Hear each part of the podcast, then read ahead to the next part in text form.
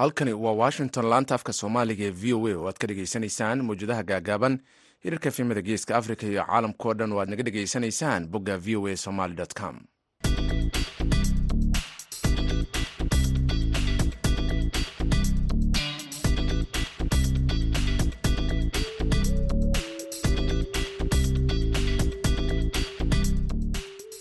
Duur wanaagsan idilkiinba dhegaystayaal meel kastoo aad joogtaan waa maalin khamiisa bisha oktoobarna ay ku beegan tahay sanadka waxaad naga dhegaysanaysaan mawjadaha gaagaaban ee hirarka fimada waxaad sidoo kale dhegaystayaal naga dhegaysan karaysaan barta v o a somaly com idaacadda duurnimo ee barnaamijka dhallinyarada maanta. Waxaa idinla socodsiinaya anigoo ah jamaal axmed cismaan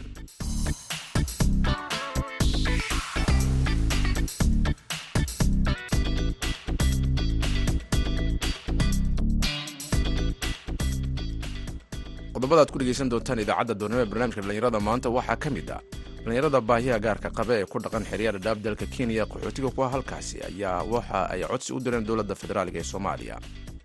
Shirarkaasoo kale maasha allah waxaa manaha haddii nalaga qaybgeliyo niyaddeenaa ku degi laheyd oo manaha aadan ugu farxi laheen hadda waxaaway dad la iloowaan nahay oo lagu ilooway xarooyinkan oo u n keliya loo daayay. Dowladda federaalka waxaan ka codsanaynaa fadlan waxaan ka codsanaynaa inay manaha naga qaybgeliso ayna iloowin ayna soo fiiriso waxaad kaloo dhegaysan doontaan dhallinyarada ku dhaqan magaalada carmo ee gobolka bari ee puntland oo sheegay dhaqaale ay ku kabayaan dhismaha waddooyinka magaaladaas. Barnaamijka intuu socdo waxaan ka marnayn kaalimaha sugaanta. Ciyaarihii ayaad sidoo kale dhegaysan doontaan. Intaas oo idil waxaa ka horeynaya dhegaystayaal warkii dunida ee ku soo dhowaada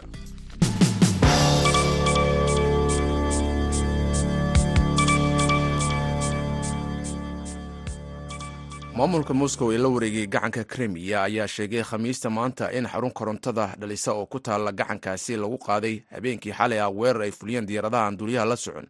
Laakiin waxay sheegeen inaysan si xun waxyeello u soo gaarin. Maanta xilli habeena waxaa weerar loo adeegsaday dron lagu qaaday xarunta tamarta ee balaglava gudoomiyaha ruushka ee sevastopol mikhail ravazoviev ayaa sidaasi ka sheegay telegramka isagoo oo markaasina sheegay in dhaawac yar uu soo gaaray halkaasi mana jiraan buu yidhi khasaare ka dhashay oo intaasi ka badan.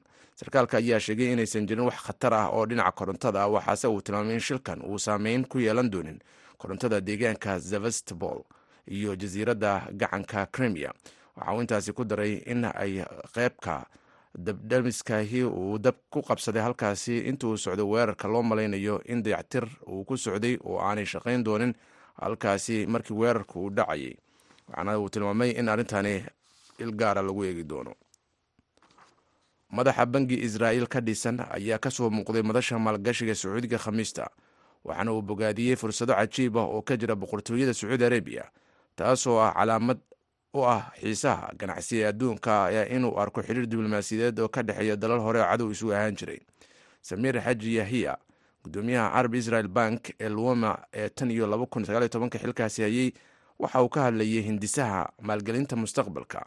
Shir saddex maalmood ah oo lagu qabtay caasimadda sacuudiga oo inta badan loogu yeero davos ee deegaanka lama degaanka fursadahan ayaa kuwo cajiiba gaar ahaan warshadahaasi. Dhinaca tamarta ayaa kor u kacaya ayuu yidhi inta lagu guda jiray dood wadaag.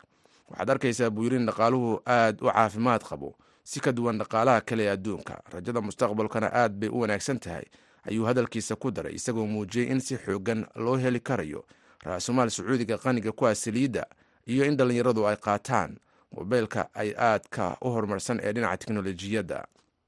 Warkii dunida dhegeystayaal waa nagayntaa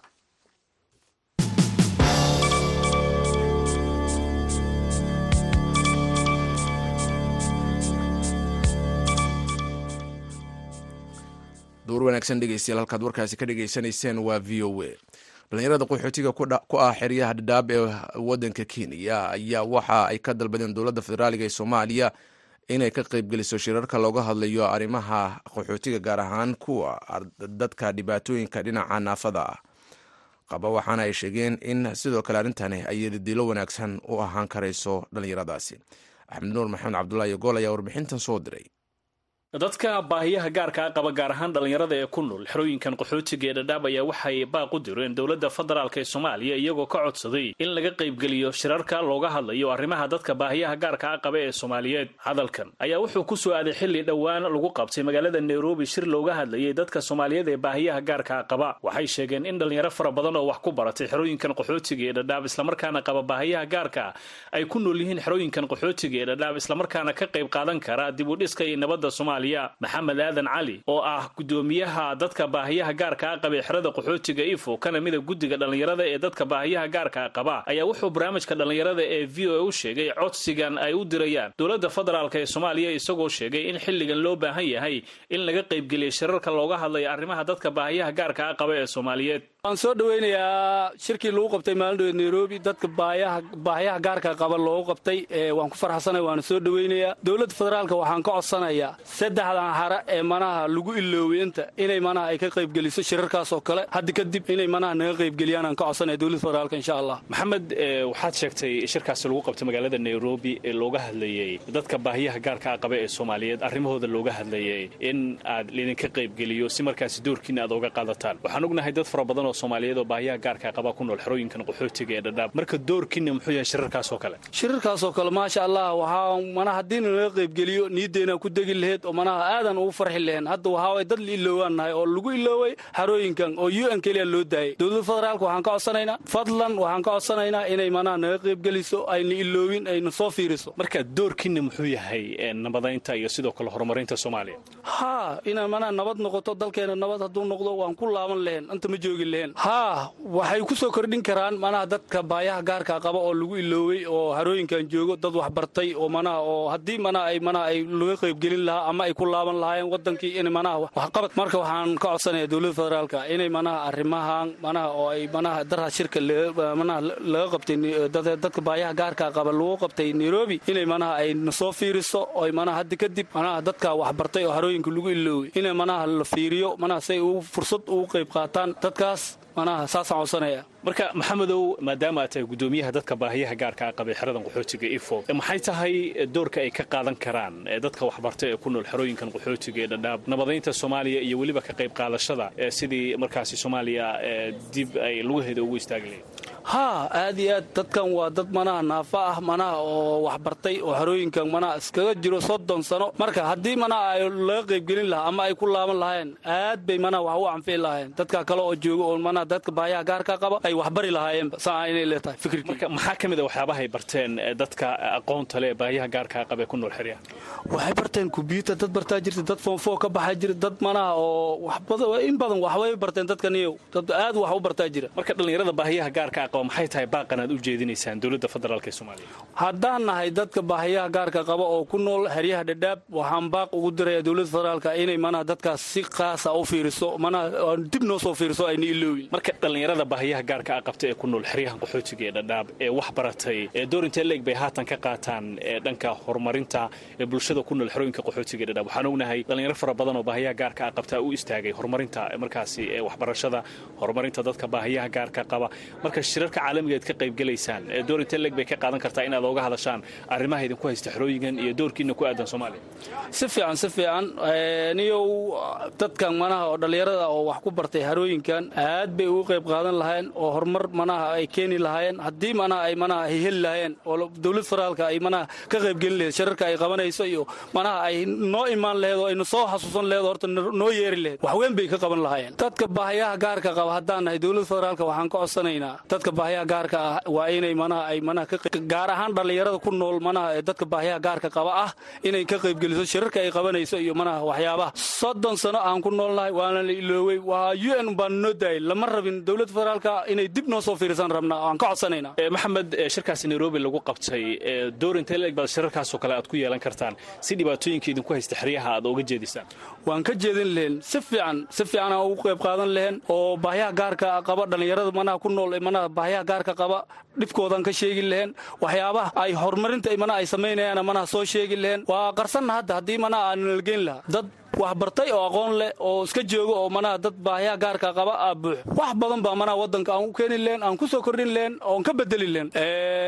Adduweynaha waxaa manaha aan u sheegayaa baaq ahaan manaha aan ka codsanayaa in manaha harooyinka lagu ilooyo dadkan baahiyaha gaarka qaba. In manaha dib noo soo feeriyaan oo manaha ay si manaha qaasa manaha ay u hadlaan oo manaha u raadiyaan dadkaas maxamed waxaa jira dhallinyaro fara badan oo baahiyaha gaarkaa qabay oo ka dhoofay xeryahan qaxootiga ee dhadhaab islamarkaana fursado u helay dibadejin dhanka dibadda maraykanka kanada australia iyo yurub. Marka dhallinyaradaasi maxaad ka codsan lahayd? Dhallinyarada waxaan ka codsan lahaa. Daraad hadda manaha maasha allah oo soo xasuusisay khayr allah ku siiyo. Wiil waxaa la sheegaya oo maraykan jooga oo manaha qalamaan iyo alaab oo waxbarasho qalab u keenay. Ninka horta waa mahadsan yahay. Boqolkiiba boqol uu mahadsan yahay. Khayr allah siiy waxaan leeyahay dhallinyaradaas oo joogto qurbaha. Waxaan leeyahay walaalihiina jooga oo dadka baahiyaha gaarka qaba oo harooyinkan ku nool. Way dayaxsan yihiin. Walaalayaalow dadkaas dib u soo fiiriy oo manaha la soo hadloo nala soo xidhiidha noloshii idinka aa ku nooleedeen maanta tii aa idinka ogeedeen aan ku jirna anaka marka waxaan leeyahay maasha allah waa mahadsantihi axmedow adna waa mahadsan tahay v o n way mahadsan tahay maasha allah waxaan manaha ugu mahadinayaa idaacaddan v o a manaha dadka baahiyaha gaarka qaba. Mar walba waxaaway way danaysaa way manaha baahidooda say ugu hadasho manaha aad baan u mahadsantihiin aan leeyahay. Mar walbana waa mahad xerooyinkan qaxootiga ee dhadhaab ayaa waxaa ku nool dhallinyaro fara badan oo baahiyaha gaarka a qabta islamarkaana wax ku baratay xerooyinkan qaxootiga ee dhadhaab oo qaarkood xilligan ka qayb qaata horumarinta dadka baahiyaha gaarka a qaba ee ku nool xerooyinkan qaxootiga ee dhadhaab axmed nuur maxamed cabdulaahi gol v o a. Aad buu mahadsan yahay axmed nuur dhegeystayaal halkaad warbixintaasi ka dhegeysanayseena waa v o a gaar ahaan barnaamijka duurnimo ee dhallinyarada maanta qodobo kale ee ciyaarihi ayaa inoo soo socda hase yeeshee markan aynu ku yaranasanno dhinacii sugaanta. Heestan ayaan idin soo qabanaynaa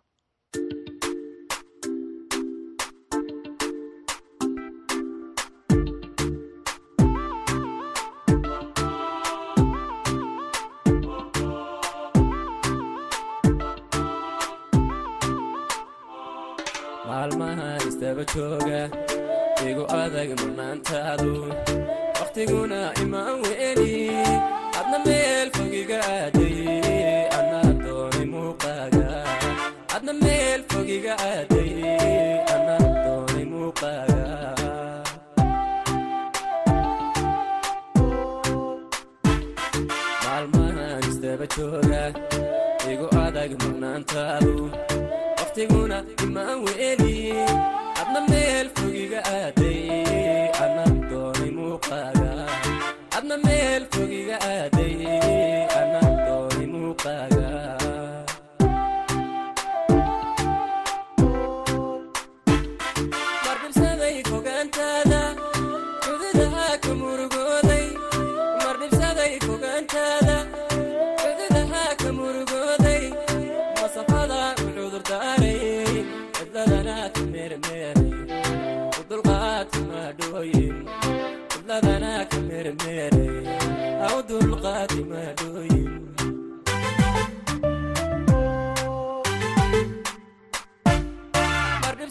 fogaantaada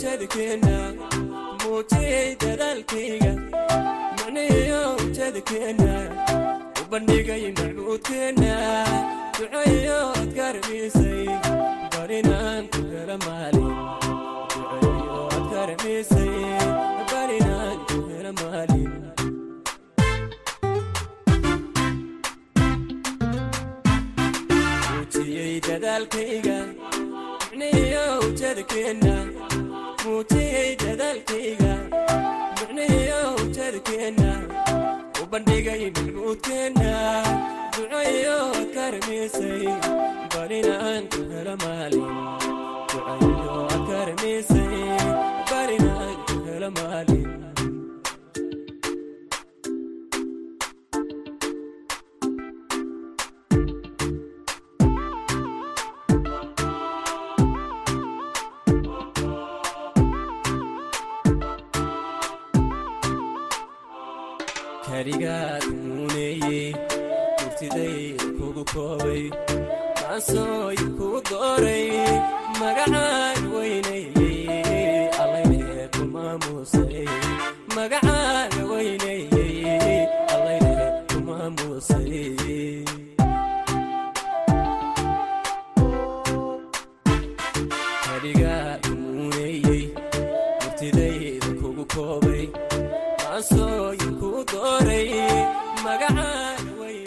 fanaanka xariir axmed ayaa heestaasi ku luuqeynaya halkaad ka dhegeysanaysaanna waa v o a.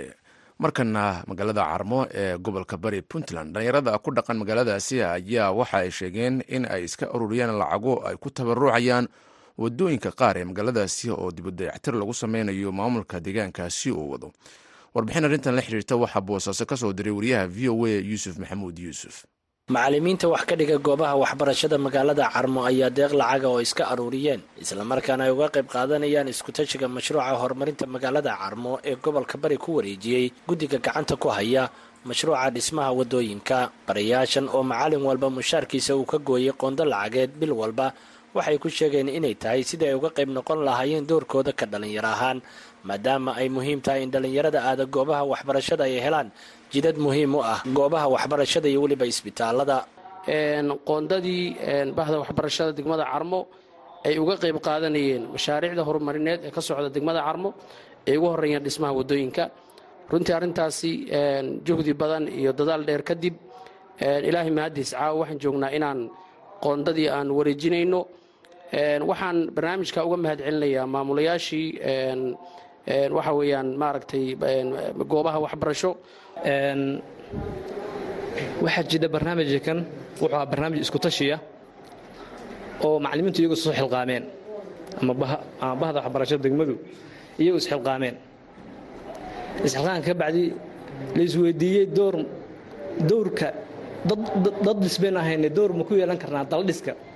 Marka dowrkii daddhiska aynu ku darsanno daldhiski baa liyi taasi waxay keentay in la tashto oo guddiyo la saaro si horumarka degmada guud ahaan ka socda gaar ahaan ugu horreeya barnaamijkan wadooyinku in door lagu yeesho.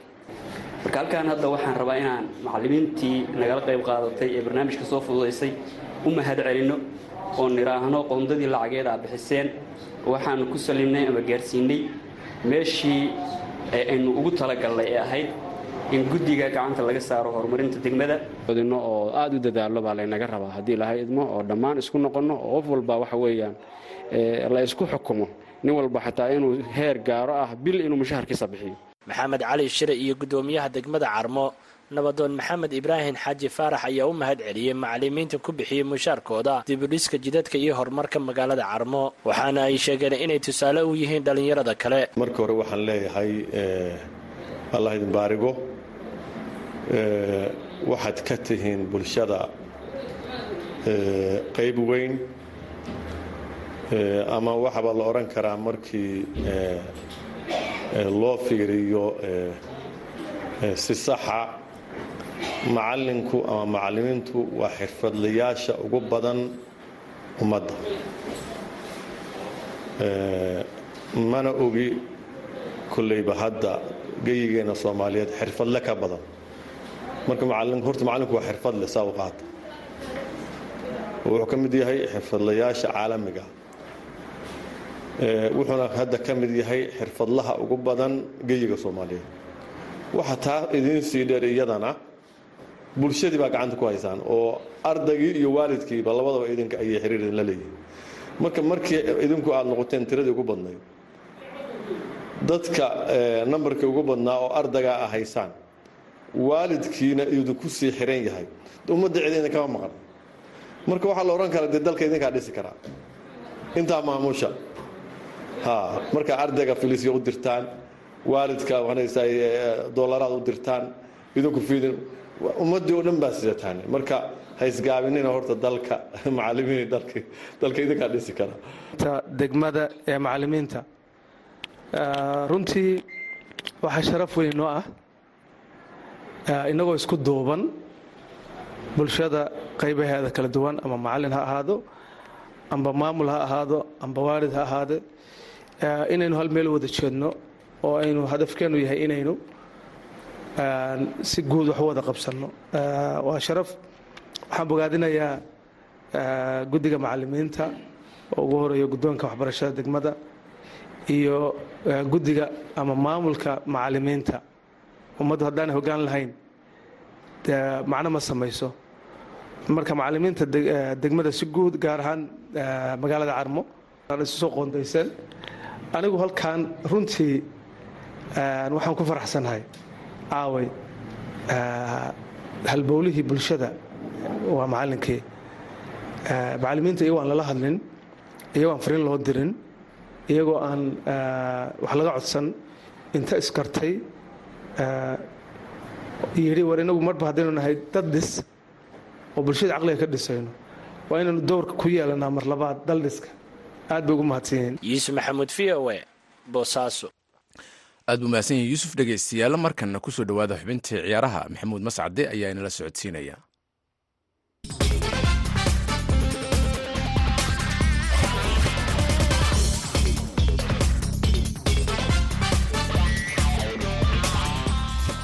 kulan wanaagsan dhegeystayaal dhammaantiinba kuna soo dhowaada xubinta ciyaaraha. Horyaalka kooxaha qaaradda yurub ee champions leaga oo habeenkii xalay ahaa kulamo xiiso badan fooda la isku daray ayaa kooxaha qaar sallaankii ay ka soo dhaceen oo fursaddii ay haysteen in ay ciyaaraha wareegga labaad u soo gudbaan ay habeenkii xalay ahaa soo gabagabowday. Kooxda kubadda cagta ee liverpool ayaase fursaddeeda ka faa'iidaysatay oo saddex gool iyo waxba kaga adkaatay kooxda kubadda cagta ee ax napoli saddex gool iyo waxba ayay ku dharbaaxday kooxda kubadda cagta ee rangers. Sidaasina gruupka e kooxaha liverpool iyo napoli ayaa soo gudbay oo wareega kale u soo baxay. Halka ax ay noqon doonto in ay ku biirto kooxaha ka qaybgelaya ciyaaraha uruba league.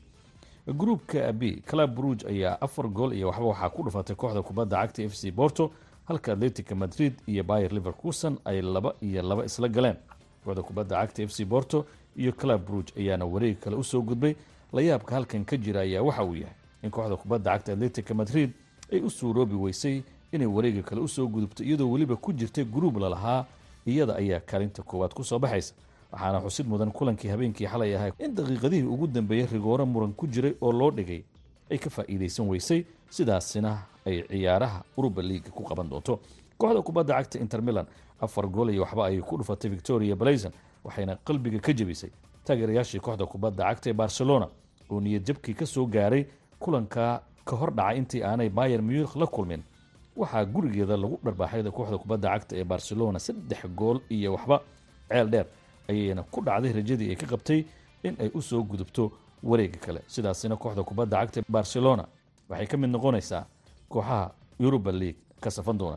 Gruubka layaabku waxauu noqday gruubka ay ku wada jiraan kooxaha entract frankfort makze tottenham hatsba iyo sport lisbon ilaa ay hadda cid xaqiijisay in ay soo gudubtay. Ma jirto kulanka ugu dambeeya ee gruubkan oo toddobaadka soo socda bartankiisa la ciyaarayo ayaa cid kasta oo badisaahay u suurageli doontaa inay wareega kale u soo gudubto. Kooxda kubadda cagta ee barcelona oo gruubka ay ku jirto lalahaa iyada iyo bayer munikh ayaa ka soo gudbi doona ama iyada iyo inter ayaa sheekadu dhinac kale u cayn wareegtay oo gruubkaasi waa ay ka soo bixi weysay. Haddaba su'aasha isweydiinta le waxay tahay kooxdan oo lacag aada u fara badan xilli ciyaareedkan inta aanu bilaabanin ka hor la geliyey maxay tahay sababta keentay in ay soo bixi weyso? Sacdiye cali oo ciyaaraha falanqaysa ayaa igala qayb qaadanaysa. Sacdiyo maxaa dhacay? Barcelona oo isoo bixi weysay. Mascado barcelona waxay u soo bixi weysay. Waxaa waaye ninka shavi hernandes in uunan ahayn coach dhammaystiran oo experience lahayn oo barcelona ay kula degdegto xilliga xilli mar hore inay coach ka dhigato. Maxaad sidaa u tiri? Waxaan sidaa u iri mascadow asiga waa nin oo aan dhihi karo cos ciyaartooyda ciyaartooyda hadda sida barcelona hadda bale waxyaalahan ku eedeynayo kale dhexdoo kale. Ciyaal yarar isagoo haysto wuxuu safaaya busket busketna xilligiisa waa ka dhamaata oo nin hadda maanta weyn waayo shavi ma ahayn marka in uu busket iyo wato hadda. Asigoo haddana qarashna isgeliya ciyaartooy yararna haysto bedri iyo gavi iyo dionga ciyaartooy yarar asigoo haysta inuu safo nin xilligiisii soo dhamaaday barcelonadii hore. Barcelona cusub inuu la qabsada eeda aad i aad weliba marka la fiiriyo kulankii ay la ciyaareen kooxda inter milan oo gurigooda ay ku ciyaarayeen oo haddii inter ka badin lahaayeen ayba fursad haysan lahayd qaladaadkii ugu weynaa oo kulankaa lagaga badiyey busketis iyo b k oo liman aada khubura oo ah oo muddo dheer ciyaarayay ayaa loo aaneynaya aad iyo aad sababteeta dadkaas dad soo shaqeeya waaye tiimka lejankooda waaye waa sax laakiin haddana waktiga waa ina la ogaado waktigaaga waktigooda ugu tegay niman yaroo cusuboo boodaya jiraan uu ciyaarsiiye ma u malaynaysaa marka maadaama champions league ay ku xisaabtamaysay barcelona in macalinkan shaqada laga erayay weli janis wuxuu haystaa ama inuu europa league qaado ama league uu qaado. Koobabkaas marka adiga sanadka dhamaadkiisa haddii uusan wax kooba uu qaadin markaas waa la ceri karaa laakiin hadda weli waxaan sidaa lama cerinayo wata ugu dambeyntii kooxihii waaweynaa sida yuventus barcelona ayax iyo atletica madrid. Dhammaantood champions leaga way ka hareen. Uruba leaga ayay qaban doonaan oo manchester united iyo arsenal halkaas ay ku sii jiraan. Uruba leaga sanadkan ma ka xiisa badnaan doonaa champions league? Waa tahay baad mahadsan tahay sacdiyo taasi waxaa ahayd sacdiye cali oo ciyaaraha ka faalloota oo ciyaarihii champions league habeenkii xalay ahaa dhacay ila falanqaynaysa. Inta aynu dhegaystayaal mar kale barnaamijkan lamida dib u kulmi doono waa mascadaydu ku dhaafaya sidaa iyo nooli kulan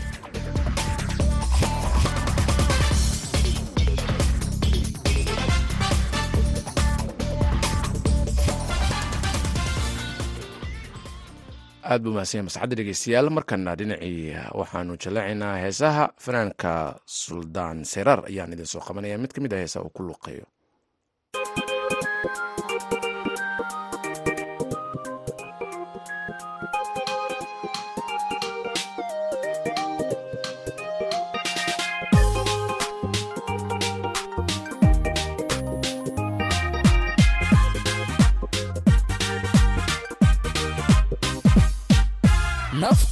diida ruux kale dooq ku raaca dareenkaage dayraha iyo dhan dayraha iyo dhan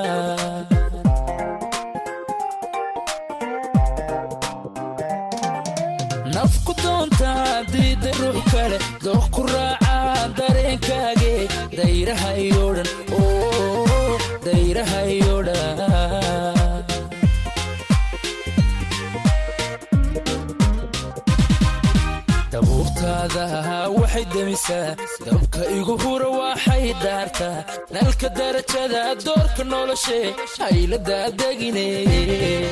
dabuurtaada waxay demisaa dabka igu hura waxay daartaa nalka darajada doorka noloshee hayladadegine daymadaadaan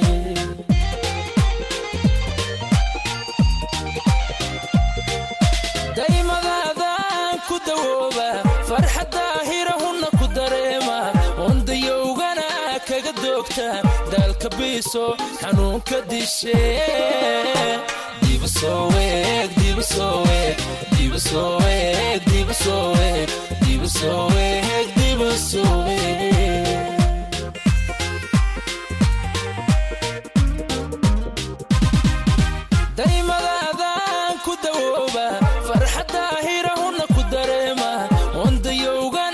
kaga doogta daalka biiso xanuunka dishe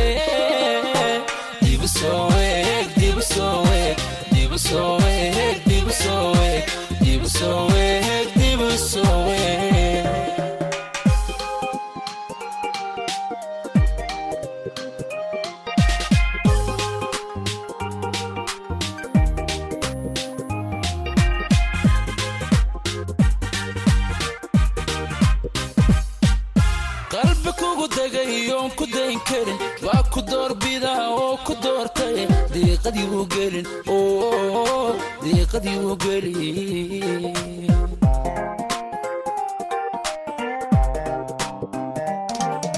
Qalbi kugu degay oon ku dayn karin. Waa ku doorbidaa oo ku doortay diiqadii u gelin diiqadii u gelin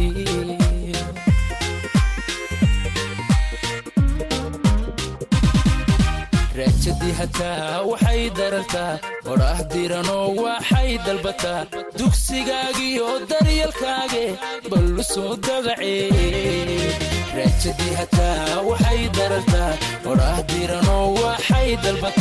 dugsigaagiyo daryalkaage ballu soo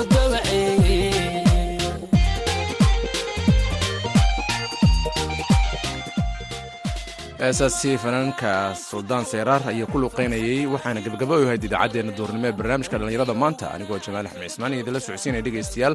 Tan iyo afarta galabnimo intaan hawada ku kulmi doono waxaan kaga tegayaa nabadgelyo